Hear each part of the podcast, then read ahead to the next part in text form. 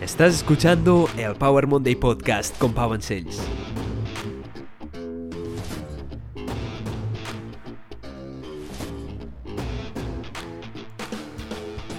Bienvenidos a Power Monday Podcast, soy Pau, te apasionada de fitness, motivación y ciencia. Y de ciencia es de lo que vamos a hablar hoy en este episodio. No sé a ti, pero a mí siempre me ha apasionado la ciencia, esta capacidad que tiene de ayudarnos a responder preguntas, a entender, a comprender el proceso de aprendizaje. Todo, todo de la ciencia me resulta fascinante. Y lo que es más, todos los inventos que podemos utilizar hoy en día que nos hacen la vida infinitamente más fácil, aunque a veces los humanos tendemos a sufrir igualmente, pero que hoy no nos damos ni cuenta de cuántos inventos dependen de la aplicación de la ciencia, prácticamente todos. Así que hoy, para charlar un poco de ciencia, nos acompaña Benjamín. Benjamín es un chaval de 15 años, autor de la página de Instagram Esperanzas Cósmicas, una de las páginas de divulgación científica con más seguidores en Instagram. Es un chaval muy apasionado por la ciencia, ha leído muchos libros y comparte de todo corazón su amor por la ciencia con los demás y las curiosidades que aprende siempre con un toque de humor. Así que vamos con la charla con Benjamín.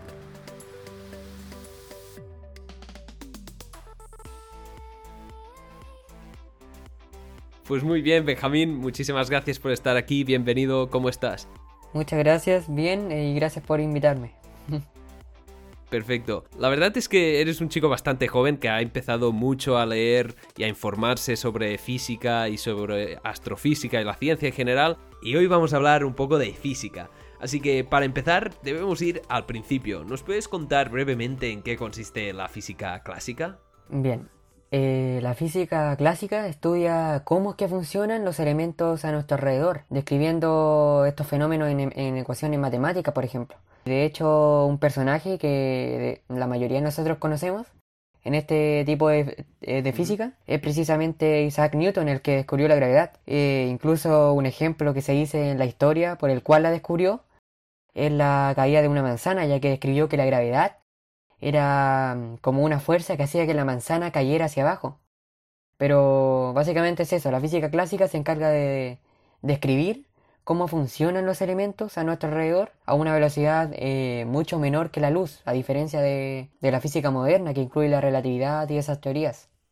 Claro, porque hubo un momento en que la física clásica se nos quedó pequeña. Al fin y al cabo, la física clásica al principio nos servía para explicar lo que nuestros sentidos no eran capaces de alcanzar a comprender nos brindó muchos inventos y muchos descubrimientos, pero hubo un momento que hubo un personaje que todo el mundo conoce, que es Einstein, que echó un poco por el suelo la teoría clásica de la física clásica y las leyes de Newton. ¿Y nos puedes contar un poco de esta historia, de la historia de Einstein?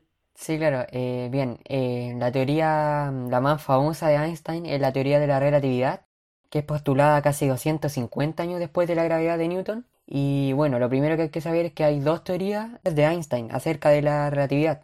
Primero tenemos la relatividad especial, que se basa básicamente en que la luz es lo más rápido del universo y nada puede ir más rápido que esta. Y la relatividad eh, general, que dice cómo funcionan la llamada gravedad de Newton. Y bueno, y aquí es cuando entra en juego la relatividad general, ya que Einstein dice que el universo está conformado por un tejido plano, al cual llamó espacio-tiempo. Y bueno, este tejido lo podemos entender como una cama elástica que se curva a presencia de masa. Para poner un ejemplo, nuestro Sol representa más del 90% de toda la masa del sistema solar. Y entonces su masa hace que el tejido espacio-temporal se curve.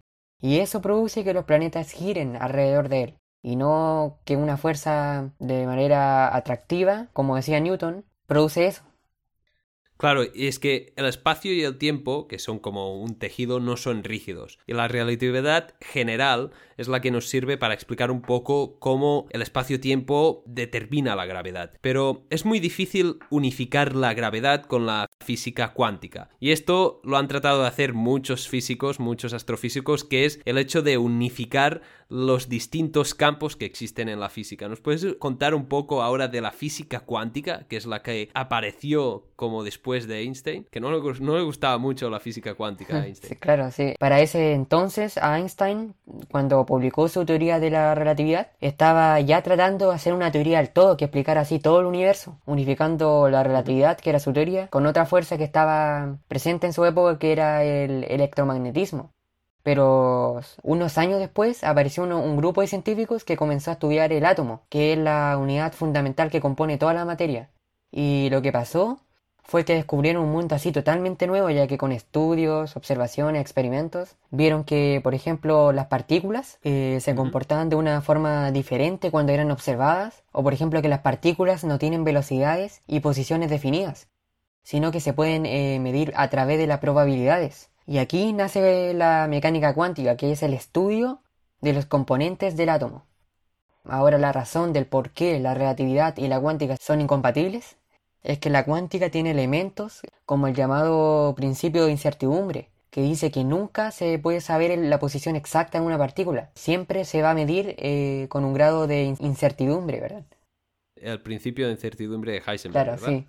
Y esto no pasa en la relatividad general, que describe el mundo macroscópico, es decir, galaxias, estrellas, cúmulos, etc. Y la principal razón de por qué no se puede unificar aún, o sea, de una manera matemática, la, la relatividad con la mm, física cuántica, es porque, mm, en primer lugar, la mecánica cuántica dice que hasta en el vacío cósmico hay partículas que podrían tener una energía infinita.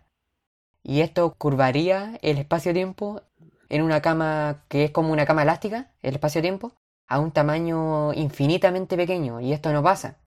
Y bueno, uno se hace la pregunta, ¿por qué no pueden ser teorías diferentes? La relatividad por un lado y la mecánica cuántica por otro. Y la respuesta es que ambas, eh, ambas forman parte de un mismo universo. De hecho, nuestros cuerpos están compuestos así por miles y miles de átomos. Entonces no se puede, no se puede hacer un método para tratar los átomos y otro para las estrellas, galaxias, etc porque los dos forman parte de un mismo universo, entonces tiene que haber una teoría que unifique estas dos eh, partes de la ciencia. Claro, y ha habido muchas teorías que han tratado de hacer esto, que es unificar estas dos grandes aproximaciones a la observación del universo. Al fin y al cabo, todo forma parte de un mismo universo y es imposible que no se explique por las mismas leyes.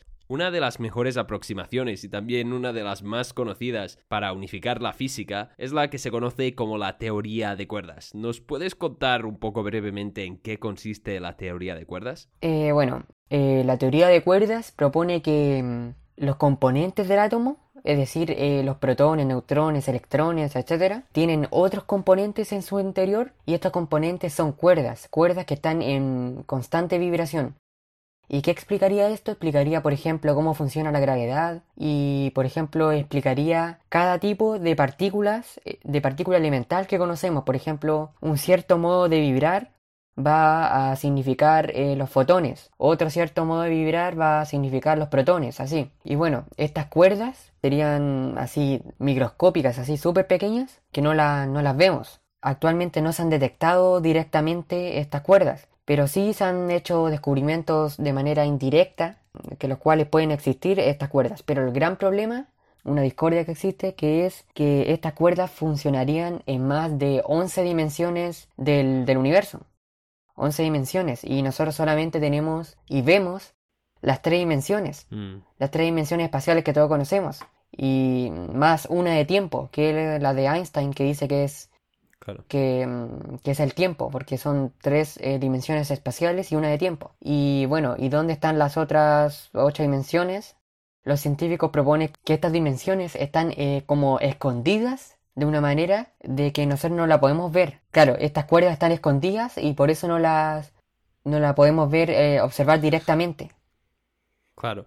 Entonces, el problema es que, si se coge la, teoría de cuerdas como ejemplo, es que nosotros al ser un ser tridimensional no podemos valorar más dimensiones que las que vivimos. Claro. Por eso, en teoría, no se podría como validar la teoría de cuerdas siempre y cuando se, se postulen estas 11 dimensiones. Así es. Tú no le puedes pedir a un papel plano que experimente una, tercera dimensión, porque es de dos dimensiones. Este es un concepto que a veces cuesta un poco de imaginar y de conceptualizar en la mente, pero que es así. Aún así, la teoría de cuerdas aún es prometedora, pero sigue siendo un poco gimnástica matemática, que se dice, que es un poco muchas matemáticas y poca evidencia científica real. Entonces, Benjamín, ya dejando de lado todo esto de la teoría de la relatividad, la teoría de cuerdas, la física cuántica, ¿qué es que nos podrías contar alguna curiosidad, algo que te apasione, algo que crees que la gente necesita conocer?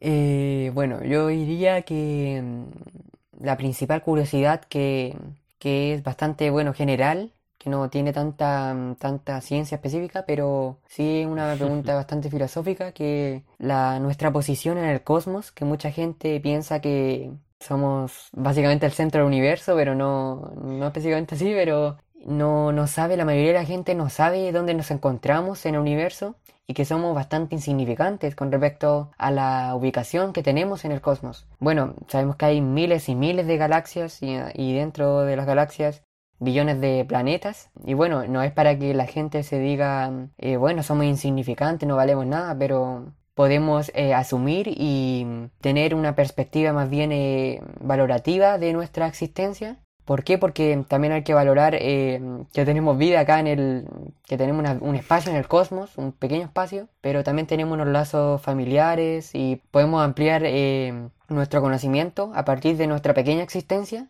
y podemos hacer eh, grandes descubrimientos, grandes, grandes cosas a la ciencia, siendo que somos microscópicos a diferencia del universo.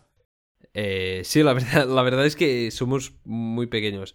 Es muy curioso cómo la gente, pues, decide enfocar como sus vidas, ¿no? Hay gente que prefiere pensar que somos el centro del universo, que somos lo más importante, y la verdad es que el cosmos es infinito prácticamente, o de momento la ciencia nos demuestra que es infinito o como mínimo prácticamente infinito. Así es. Y Benjamín, tú has aprendido mucho leyendo muchos libros. De, todos los libros que has leído, ¿cuál, ¿cuál, es el que más te gusta o el que más recomiendas? Eh, bueno, el que más me gusta y el que más recomiendo, básicamente para empezar en estos temas de física y astronomía en general, sería Breve Historia del Tiempo de Stephen Hawking, que básicamente nos cuenta acerca del Big Bang, de las leyes, las principales leyes físicas que existen eh, nos cuenta ah, de forma detallada qué es la relatividad especial, general. También nos cuenta acerca de la mecánica cuántica, de qué trata, cómo actúan las partículas, experimentos.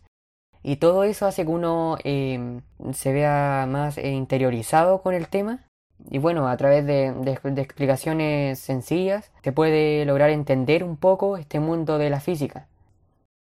Sí, te, da otro punto de perspectiva. Es uno de los libros que tengo pendientes, igual que Astrophysics for People in a Hurry de, ah, Neil deGrasse Tyson.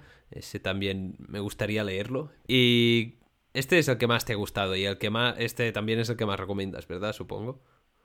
Eh, sí, también recomendaría el anterior que dijiste también, eh, Astrofísica para jóvenes apurados, porque, bueno, ese también lo leí y me gustó mucho porque explicaba de una manera un poco más didáctica y un poco más general, pero a la vez más interesante igual, de cómo se formó el universo, la, radiación de fondo de microondas, eh, los descubrimientos que han hecho diversos científicos, o sea, la ciencia, y lo bueno que se narra de una forma didáctica y con anécdotas del, del autor. Mm. Sí, entretenida. Sí.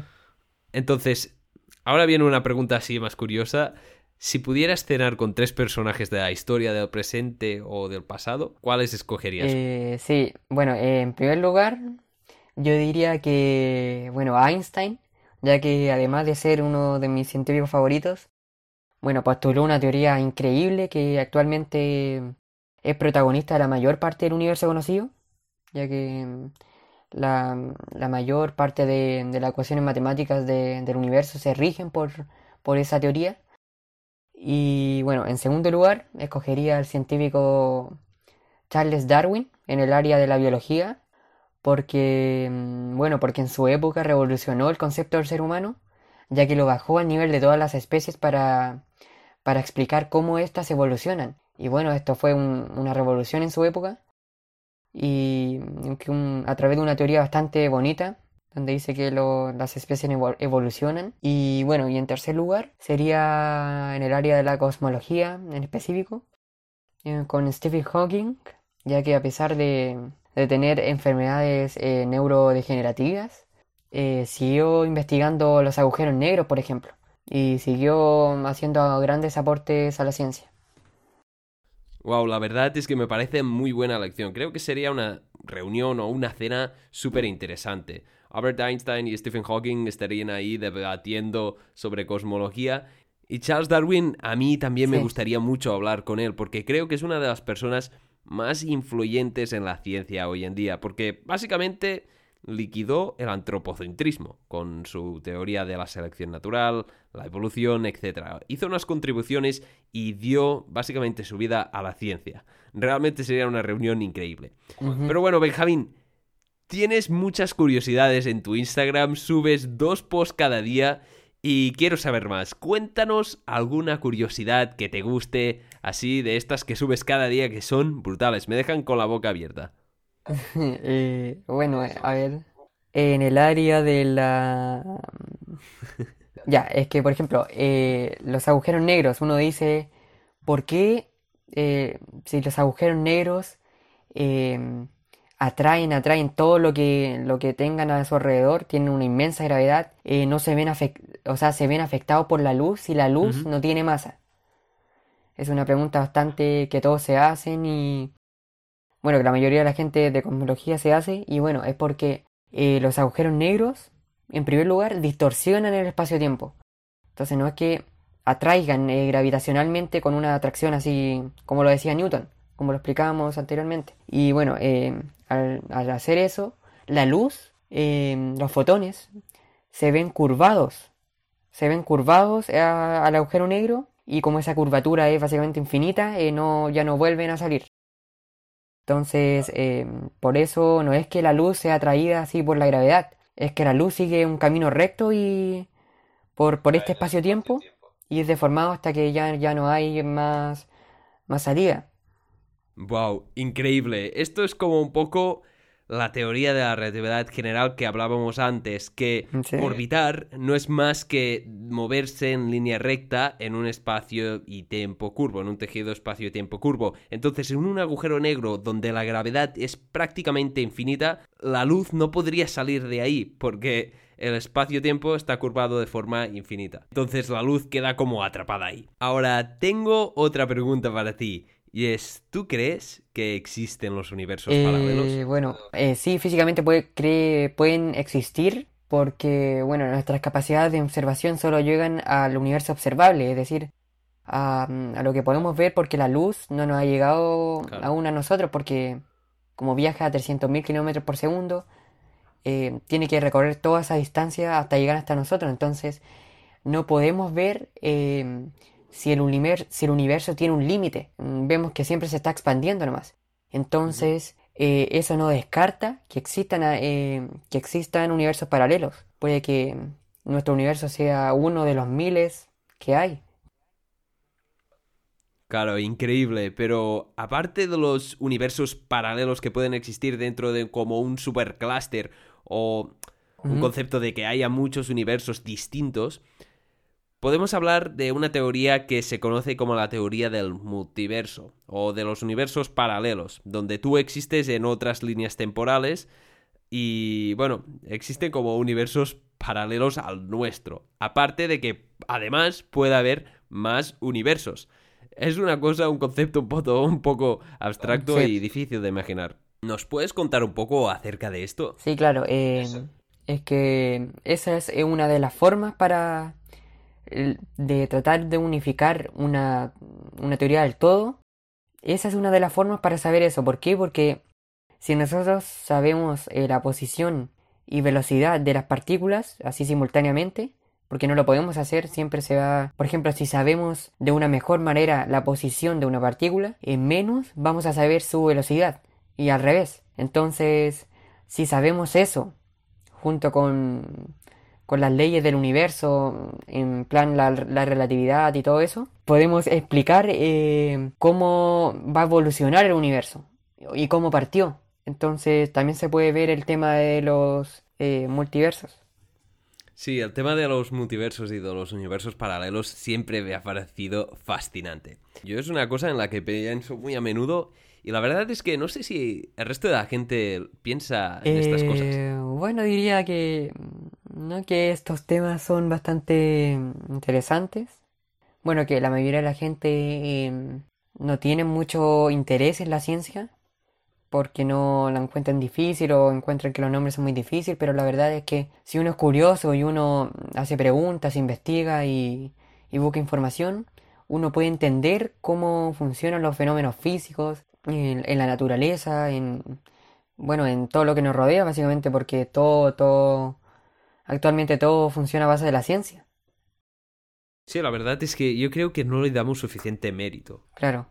Por ejemplo, ahora mismo estamos teniendo una conversación que es desde España, bueno, desde Cataluña hasta Chile, de Barcelona ¿Eh? hasta no sé dónde estás, la ciudad que estés. Y esto, pues, utilizando comunicación con satélites, internet, Sí. unos ordenadores de, de ultra tecnología de super nuevos. Y la verdad es que no nos damos cuenta. Y es que es increíble porque todo esto se basa en que algunos científicos a lo largo de la historia han ido trabajando para contribuir a la ciencia y llegar hasta hoy a tener todo lo que tenemos hoy. Aún así, la ciencia a veces tiene sus problemas. Un claro ejemplo es la Mm, basura espacial, la Space Junk. Son los satélites que van orbitando la Tierra y que van formando una red de basura básicamente espacial. Y es que desde hace Sí. poco se han empezado a lanzar muchos satélites. Hace unos 20, 30 años solo había unos 70 satélites. Ahora mismo se prevé que vamos a lanzar 1000 satélites al año. Por ejemplo, Amazon ha calculado que va a lanzar unos 3000, SpaceX también otros 1000. Es decir, que nos podemos quedar como sitiados en nuestro propio planeta por la basura espacial que estamos generando. Vamos quizás a imposibilitar el hecho de poder salir de este planeta. Es un hecho Claro, muy sí. curioso. Eh, a veces hay que controlar un poco mm, el tema de, de lo objetivo y, y el tema comercial que hay detrás, porque a veces es la ciencia puede atraer mucho, muchos objetivos, eh, no necesariamente de investigación, sino de más bien comerciales entre países, la competición, etcétera. Entonces eso puede llevar a, grandes eh, consecuencias negativas a nosotros. Entonces es bastante importante pensar en eso también. Sí, es que debemos reflexionarlo un poco. Tenemos mucho potencial, eh, tenemos Sí. mucho conocimiento, pero depende de cómo lo utilicemos, podemos terminar con destinos distintos. Y ahora tengo una pregunta que es muy importante, y es ¿por qué te apasiona tanto la ciencia? Eh, bueno, yo diría que mm, desde chico me apasionó mucho la, la ciencia, en especial eh, por qué pasaban las cosas, porque siempre estaba preguntando por qué pasaba esto, por qué pasaba esto otro. Entonces, eh, yo creo que mm, el máximo objetivo de la ciencia es responder las preguntas que tiene el ser humano. Entonces, por ejemplo, si yo le digo a un profesor, ¿por qué pasa esto? El profesor me puede responder por qué pasa. Pero, pero eso específicamente no es ciencia porque no estoy investigando o hay una investigación ya detrás. Claro. Pero en la ciencia tú puedes investigar, em, descubrir cosas, hacer hipótesis, hacer teorías y demostrar lo que aprendiste a base de, de una teoría que ya puede ser comprobable. Entonces, ¿por qué me apasiona básicamente la ciencia? Porque eh, responde a las grandes preguntas que tiene, mm, que tiene el ser humano, tanto pequeñas preguntas como grandes preguntas. Wow, me parece increíble que con tan solo 15 años ya tengas esta filosofía, y la verdad es que no podría estar más de acuerdo contigo. La ciencia me apasiona a mí también porque nos permite dar respuestas a, las grandes y a las pequeñas preguntas que tenemos y que nos hacemos cada día. Podemos explicar lo que vemos, pero el proceso de aprendizaje es lo que más me apasiona. Además, Benjamín, tú no solo lo estudias, sino que lo compartes con los demás. ¿Puedes hablarnos cómo pueden contactar contigo nuestros oyentes y hablar un poco de tu trabajo en las redes? Eh, bueno, sí, también tengo, tengo una página de Instagram, una cuenta de Instagram, donde divulgo astronomía, física, biología en general. Se llama Esperanzas-Cósmicas. Me pueden encontrar por ese nombre y, bus- y mm, hago contenido diario, subo aproximadamente dos publicaciones diarias y siempre explico en la descripción a qué se deben esas investigaciones, cómo funciona cierto fenómeno, etcétera. Siempre doy las explicaciones en la descripción por si alguien la, quiere leer. Muy bien, ¿y a ti qué te gustaría estudiar? Porque vas por el camino de, físico, ¿no? Supongo. Sí, em, bueno, la verdad es que además de la física me gusta igual la biología, la química, la ciencia en general, entonces em, no estoy muy seguro si estudiar física o un tipo de ingeniería que lleve biología, química y todas esas materias científicas que, además de, responder eh, las preguntas que, tengo, eh, tratan sobre métodos específicos de investigación. De hecho, a eso me quiero dedicar, a la investigación sobre, sobre un tema específico del área, en el área de la ciencia. Pues me parece genial, Benjamín. La verdad es que necesitamos muchos más investigadores, pero sobre todo gente apasionada por la ciencia y para investigar y para responder más preguntas y solucionar más problemas. Benjamín, la verdad, ha sido un placer. Muchísimas gracias por estar aquí en Muchas gracias por, por invitarme. Creo que puede ser muy enriquecedor para muchos aprender un poco de ciencia. Y para terminar, ¿te gustaría dar algún mensaje para aquellos que nos están escuchando? Bueno, eh, diría que, mm, que, la gente que le interesa diversos temas de ciencia se interesen, se interesen más por estos temas y que todos tenemos la capacidad de averiguar, de investigar, de, de conocer más. Y tenemos el derecho también de, de saber por qué pasan ciertos fenómenos, por qué pasan diversas situaciones que eh, la ciencia em, seguramente va a tener una respuesta a eso o uno, uno mismo puede formular esa respuesta a través de, de la misma ciencia. Entonces eso es, es fantástico de lo, lo que tiene la ciencia. Claro que sí, la ciencia es para todos y está al alcance de todos. Muchísimas gracias por haber escuchado este episodio. Espero que hayas sacado mucho valor de él o hayas aprendido algo. Recuerda, si te ha gustado, por favor, compártelo, déjale algún me gusta, pon un follow, haz lo que puedas o lo que quieras en las redes que estés escuchando este episodio.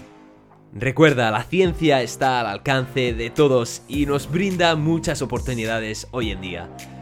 Te recomiendo que le eches un vistazo a Esperanzas Cósmicas en Instagram, su contenido es brutal. La verdad que es increíble, siempre se aprende mucho de este chaval que sube constantemente. También te dejo en la descripción los enlaces a los libros que Benjamín recomienda.